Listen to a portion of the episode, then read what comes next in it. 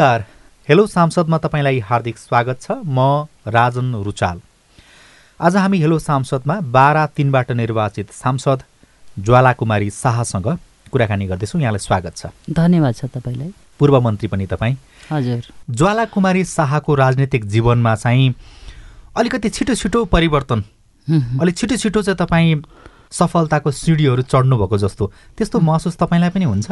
अब छिटो छिटो चढेको जस्तो भन्दा पनि पक्कै पनि जहाँ जुन पार्टीमा टेक्दा पार्टीले सही तरिकाले मलाई मूल्याङ्कन गर्दै यहाँसम्म मलाई बढाउनु भएको त्यसमा पनि मलाई छिटो छिटो प्रगति गराउनु भएको विशेष भूमिका हाम्रो सर्दे कमरेड केपी ओलीजीको नै हो अहिले पछिल्लोको घटनाक्रमको हिसाबले। अनि अर्को कुरा चाहिँ यो राजनीतिक पदको चाहिँ भर नहुने कि?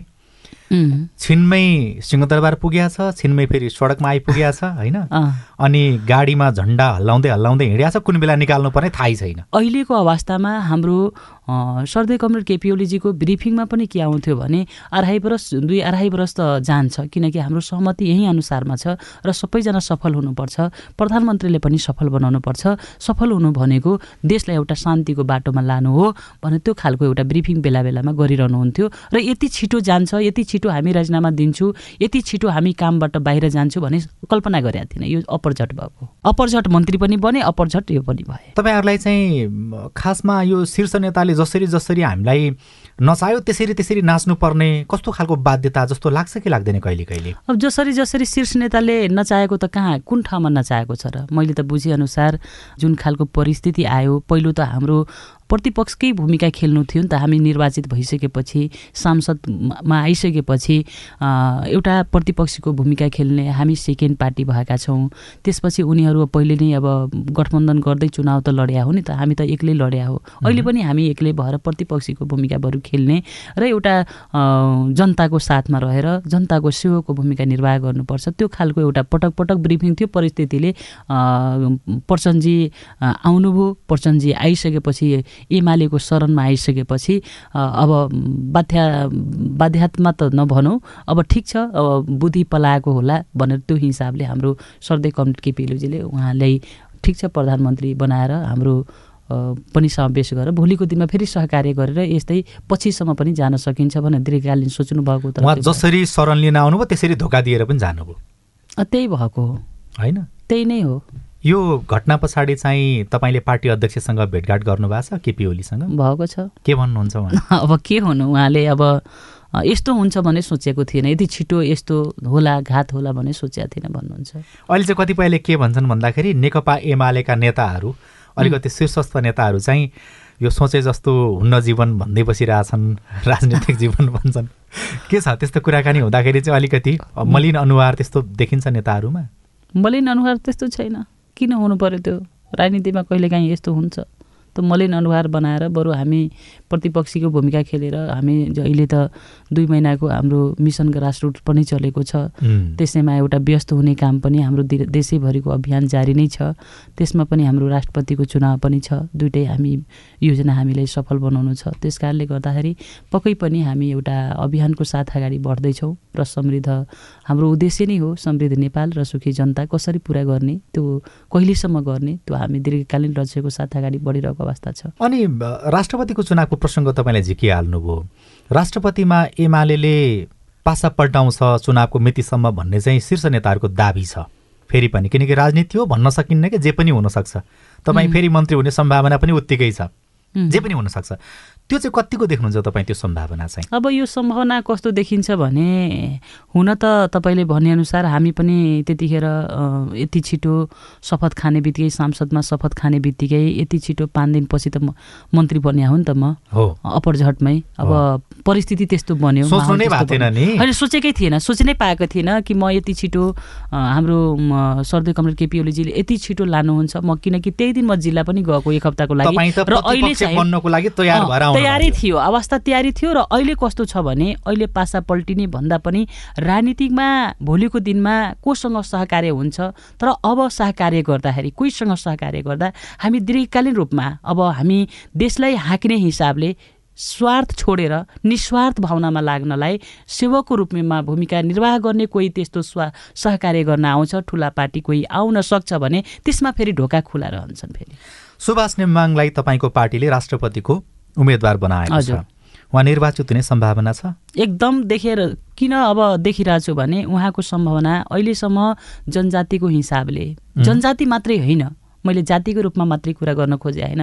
उहाँ हिजोको दिनमा सभामुखको रूपमा एउटा शालीन हिसाबले सफलता पुर्याउ सफल हुनुभएको व्यक्ति हो।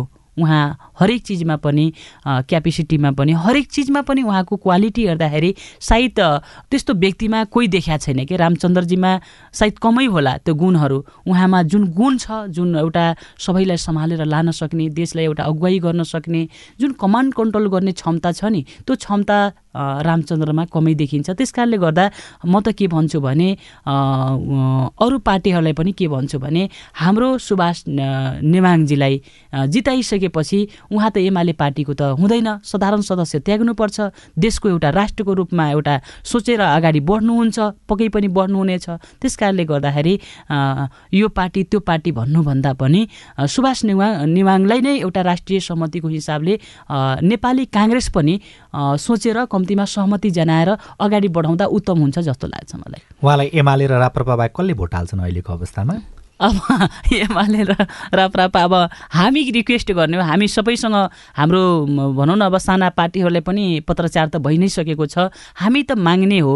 अब जो जोलाई इच्छा हुन्छ जो जोलाई मनपर्छ सुभाष नेवाङजी मन पर्नुहुन्छ शालीनता शालीन व्यक्ति हो अब सबै थोकमा राम्रो छ यदि मनपर्छ भने त पक्कै पनि भोट दिनुहुनेछ भन्ने आशा छ। तपाईँको पार्टी अध्यक्षको कस्तो खालको चाहिँ मनोदशा चलिराखेको छ भन्ने कुरा आकलन गर्न सकिन्न?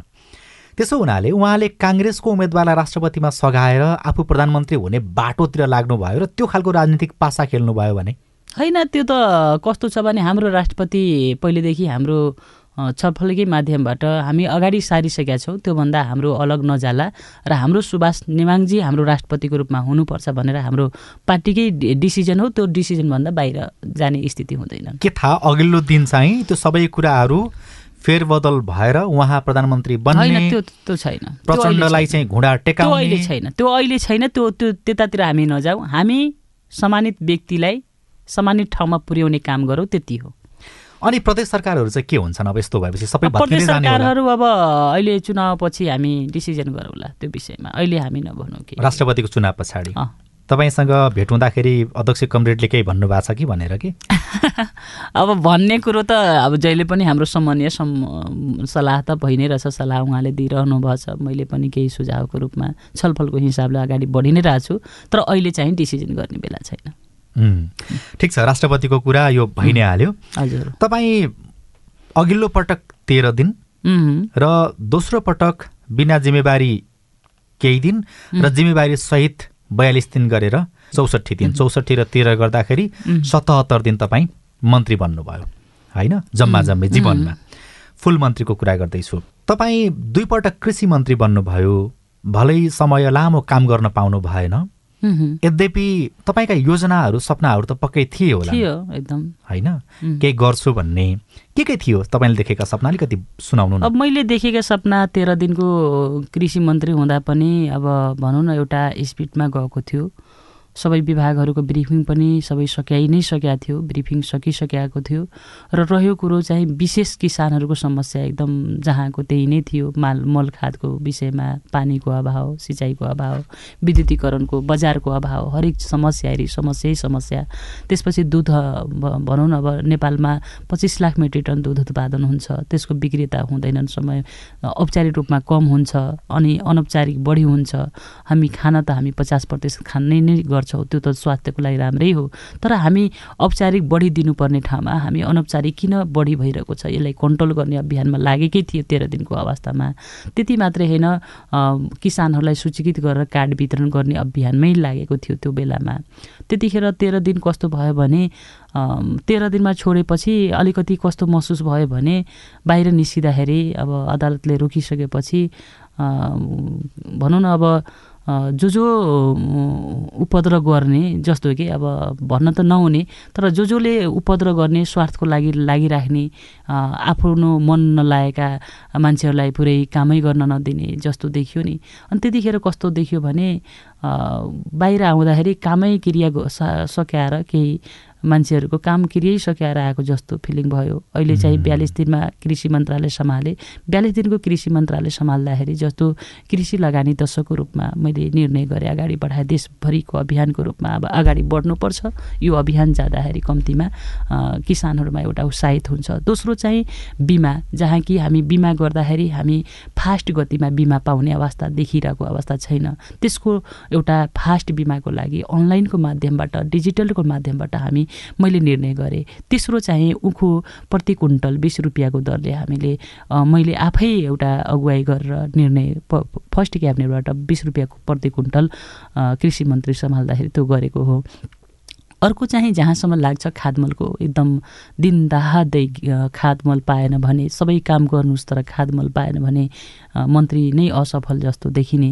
त्यो स्थिति पनि देखियो अनि त्यो स्थितिमा एकदम विशेष एकदम गम्भीर तरिकाले दिनरात एउटा मिटिङको समन्वय गर्दै कृषि विज्ञहरू त्यसपछि मन्त्रालयको सचिव लगायत त्यसपछि हाम्रो अर्थमन्त्री विष्णु पौडेलजी लगायत अर्थ मन्त्रालयको सचिवजी लगायत पटक पटक बारम्बार हामीले बैठक बस्यो। बैठक बसेपछि हामीले सात अरब तिहत्तर करोडको हामीले पेस गरेको थियो मन्त्रालयमा र असारसम्म समस्या नहोस् भनेर खादमलको लागि र स्रोत सुनिता कायम पनि गर्नको लागि हामीले त्यो खालको छलफलबाट हाम्रो विष्णु पौडेलजीले जो खालको सिरियस ढङ्गले पनि उहाँले लिनुभयो तुरुन्तै स्रोत सुनिता कायम गर्यो जहाँ कि कृषि मन्त्रालयबाट दुई अरब चालिस करोड हाम्रो मन्त्रालयबाट तानतुन गरेर हामीले खादको लागि हामी छुट्यायो भने अर्थ मन्त्रालयको तर्फबाट दुई अरब साठी करोडको हिसाबले दुई अरब पचास करोडको हिसाबले आउनु आउने नीति कार्यक्रममा समावेश गरेर लाने जहाँ कि किसानहरूलाई समस्या नहोस्।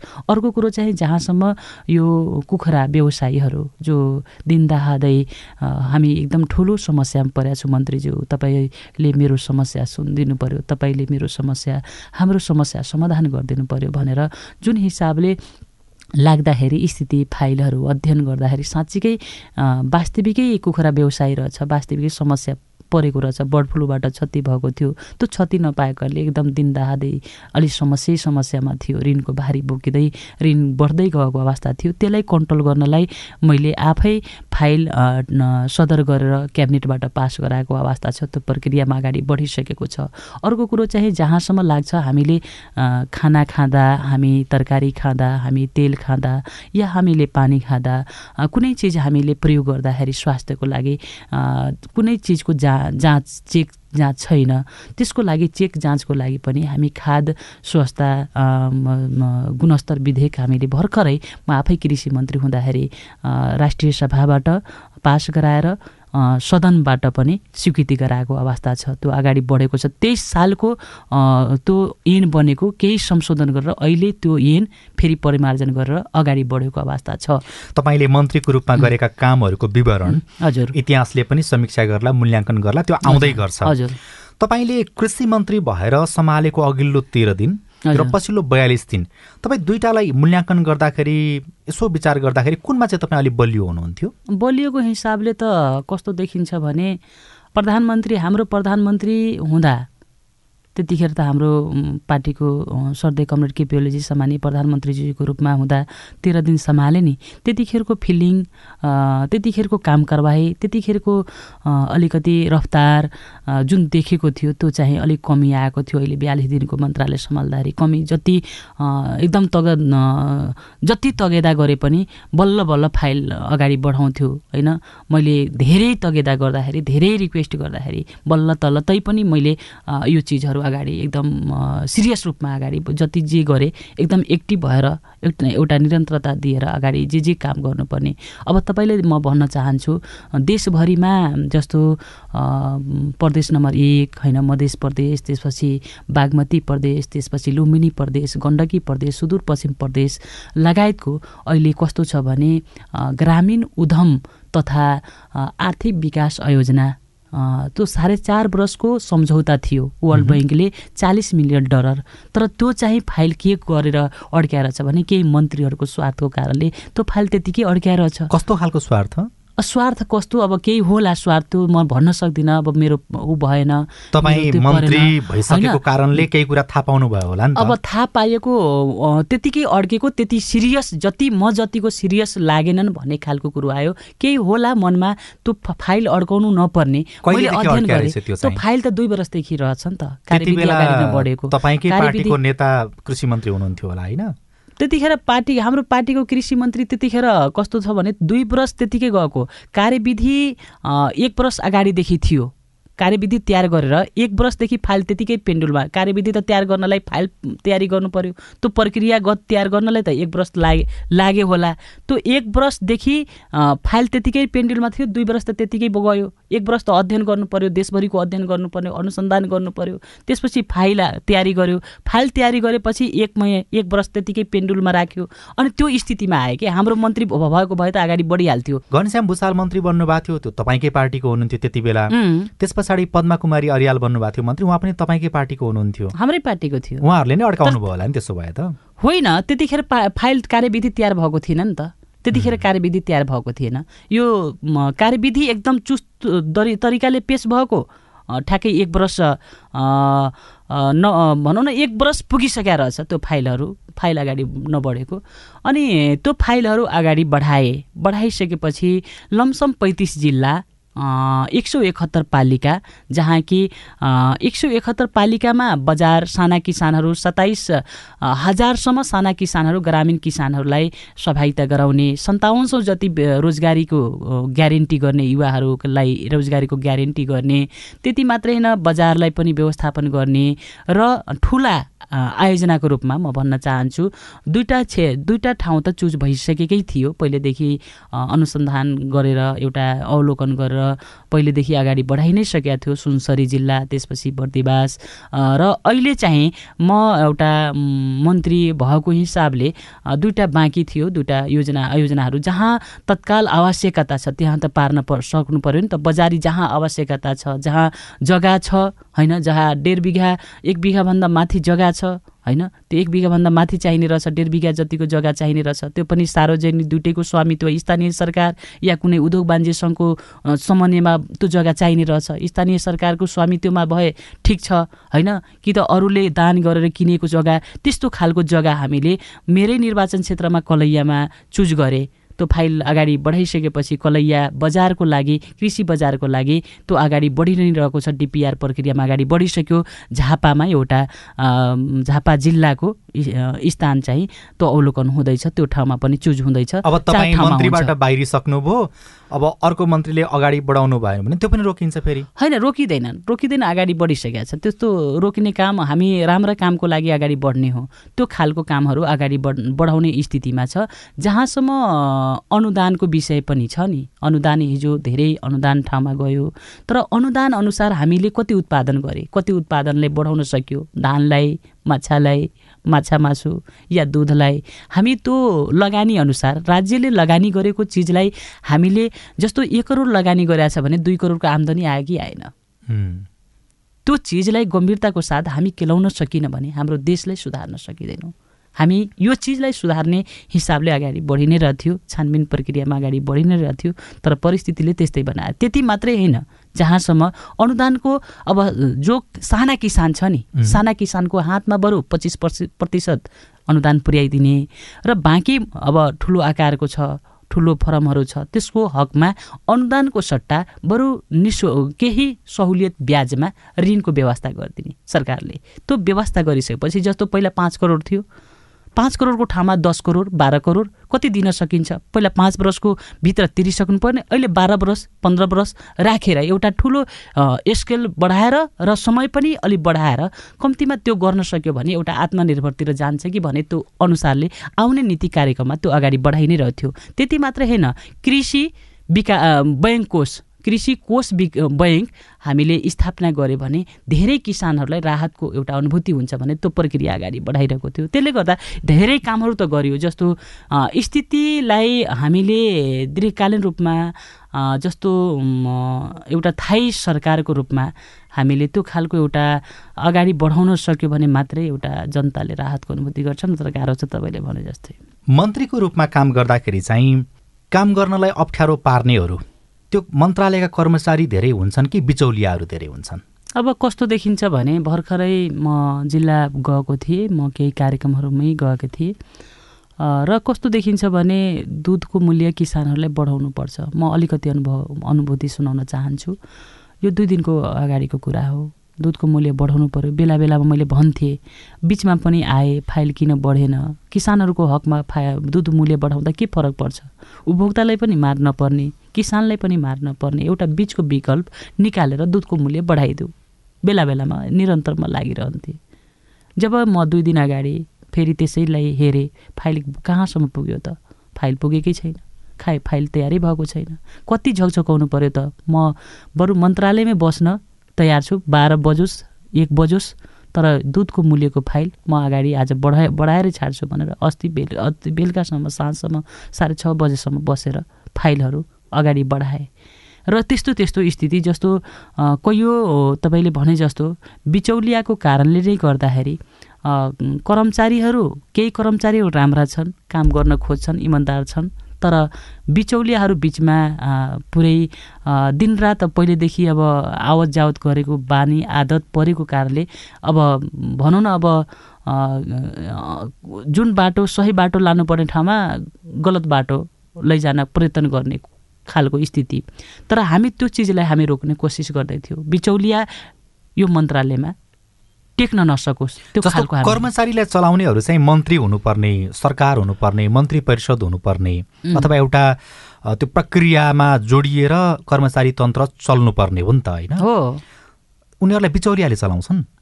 अब बिचौलियाले कस्तो देखिन्छ भने जस्तो बिचौलिया कहाँनिर हाबी भयो भने मन्त्रालयको हिसाबले कतिपय अलिकति एक्टिभ निरन्तरता अलि अनुसन्धानकर्ता अलि विज्ञ कृषि विज्ञको हिसाबले अलि अलि एक्टिभ देखायो मन्त्रालयमा अलि ठोस काम गरेर नीतिगत रूपमा गर्न देखायो भने पक्कै पनि बिचौलिया साइड लाग्छ।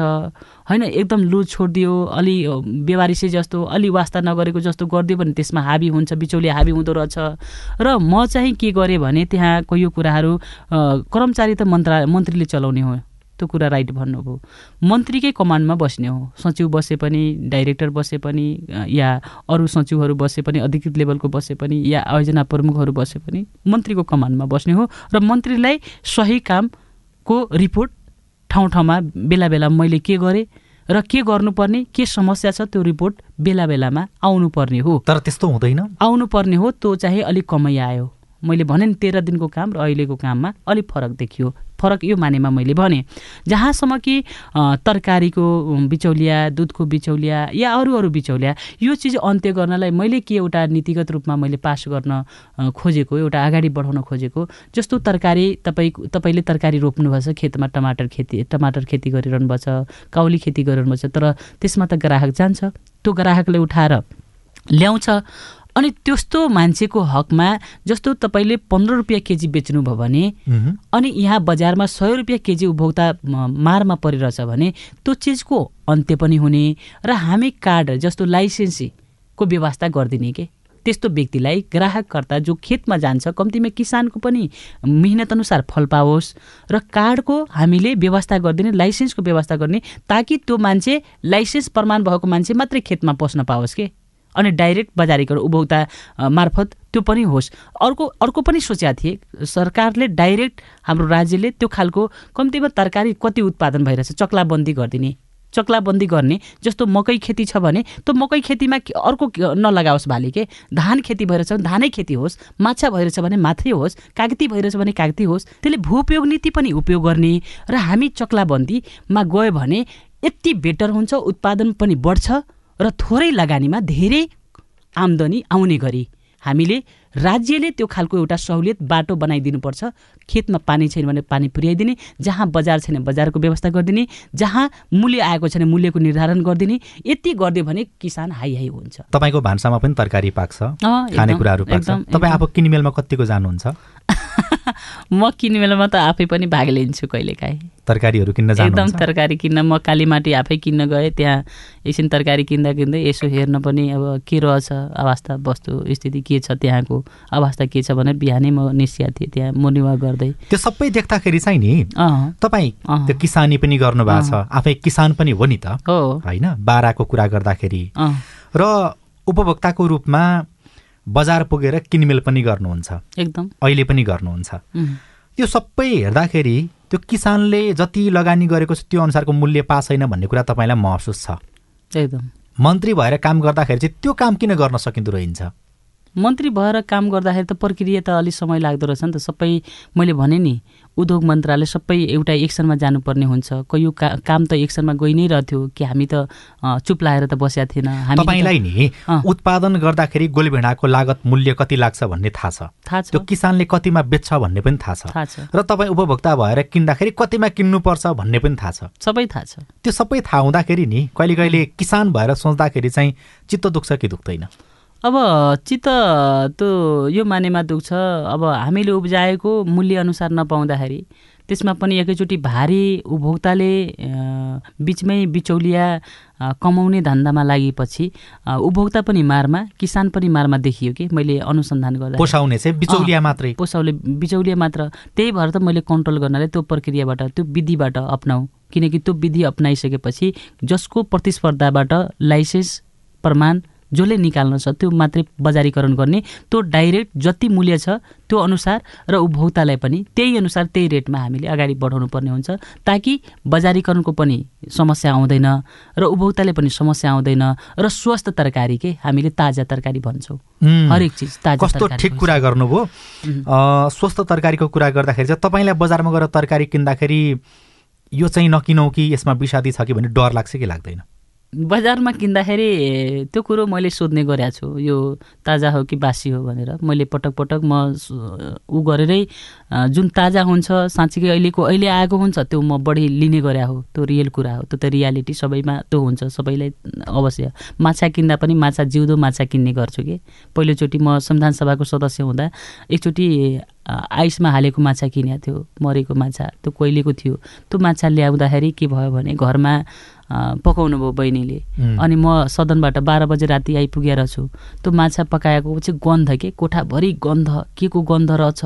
त्यो माछाको गन्ध रहेछ। खाँदा त त्यो माछा नखाने त्यो खाँदा भनौँ न त्यो कहिले भनौँ न माछा नखाऊ जस्तो भयो कि? त्यस्तो भयो। भनेपछि अरू ग्राहकलाई कस्तो होला कि? अरू उपभोक्तालाई कस्तो होला? भनेपछि त्यो स्थितिबाट मैले हेरेँ। अनि त्यो बेलादेखि छोडिदिएँ कि मैले? ताजा माछा जिउँदो माछा अब खानुपर्ने रहेछ है त्यस्तो माछा। बरु खाए पनि ताजा माछा खाने जिउँदो माछा खाने। कम्तीमा त्यो माछा खाँदा स्वास्थ्यलाई पनि फाइदा हुने। फाइदा हुने काम नगर्ने। बासी त हामी खाएर काम छैन भन्ने त्यो हिसाबको थियो। त्यसले गर्दा हामी स्वस्थको लागि त हामी भर्खरै मैले भनिसकेँ नि हो। त्यस्तो खालको विधेयक पनि हामीले ल्यायो नि त अहिले। झन्डै झन्डै साठी सत्तरी प्रतिशत तरकारी चाहिँ भारतीय बजारबाट अथवा भारतबाट नेपालमा आउँछ होइन? त्यो तरकारी काहीँ पनि क्वारेन्टाइनमा विषादी जाँच हुँदैन। काहीँ पनि हुँदैन। एकपटक केपी ओली नेतृत्वको सरकारले दुई हजार छयत्तरमा विषादी जाँच गर्न सुरु गरेको थियो। भारतीय दूतावासले चाहिँ दबाब दिए पछाडि त्यो फिर्ता गरियो सकियो। यसो हुँदाखेरि चाहिँ मैले विषादी पो खाइराखेको छु कि मलाई असर पो गर्छ कि भनेर डर हुन्छ कि हुँदैन। तरकारी किन्दा। सबै यो विषयमा त डर त सबैलाई छ नि त। म मात्रै होइन। मलाई त म त कतिखेर के हुन्छ भने त्यो त डर त होइन। तर स्वास्थ्यलाई फाइदा हुने गरी कम्तीमा यो विषादी हानि त गरिरहेको छैन भन्ने त लाग्छ स्वाभाविक रूप। सबै। कुरा हो भने। तपाईँ ठाउँमा पुग्दाखेरि त्यो विषादी नियन्त्रण गर्नको लागि जाँच गर्न किन सक्नुहुन्न? होइन। रोक्दो रहेछ? होइन त अगाडि बढाइसकेको थियो त मैले बयालिस दिनभित्रै अगाडि प्रोसेसमा अगाडि बढाइसकेको थियो यो कहाँ। हुन्छ? मन्त्री परिषदले चाहिँ त्यसलाई अगाडि बढाएन भनेर पत्र पत्रिकाले समाचार लेखिरहेको होइन त त्यो प्रक्रिया त हामी त एउटा प्रक्रियागत जानुपर्छ नि त। समय लाग्छ नि। फाइल बनाउन अघि नै मैले भने त्यो आयोजनाको फाइल त ऊ गर्दा अनुसन्धान गर्दा गर्दै अवलोकन गर्दा गर्दै एक वर्ष त्यो लाग्यो फाइल बनाउन। एक वर्षपछि पेस गरेको थियो त्यो फाइल। एक वर्ष त्यतिकै पेन्डुलमा थियो। साढे चार वर्षको सम्झौता थियो। त्यस्तै त प्रक्रियागत लाग्छ तर हामी फास्ट गतिमा गएको थियो। हामी के थाहा त? यति दिनमै बयालिस दिनमै निस्किनुपर्छ भने हामी त अझ दुई महिनाभित्रमा मेरो टार्गेट थियो। कम्तीमा दुई महिनाभित्रमा यो चाहिँ विषादीको कडाइको साथ ल्याब राख्ने ठाउँ ठाउँमा ल्याब ल्याब राख्ने र दुईवटा कर्मचारी चौबिसै घन्टा पाले पालो खट्ने गरी त्यो खालको व्यवस्था हामीले सामान्य उद्योग मन्त्रीसँग पनि बसेर हाम्रो अगाडि बढिसकेका थियो प्रोसेस तर मन्त्रीहरू चाहिँ किन डराउँछन् के को लागि डराउने? म त डराएको छैन। तपाईँ जो मान्छे कृषि मन्त्री बन्छ नि उसले यो विषादी जाँच गर्ने कुरालाई अगाडि बढाउँछ होला। तपाईँलाई त्यो विश्वास छ? अब त्यो मान्छेको गुण अवगुणमा फरक हुन्छ। त्यो तपाईँले भनेअनुसार अब म जतिको कति एक्टिभ हुन्छ त्यो एक्टिभमा भर पर्छ फेरि। समय सम्वादको लागि यहाँलाई धेरै धेरै धन्यवाद छ। हस् त धन्यवाद। यो सँगै हेलो सांसदको समय सकिएको छ। प्राविधिक साथी सुनिल राज भारतसँगै म राजन रुचाल पनि बिदा हुन्छु। हवस् त नमस्ते।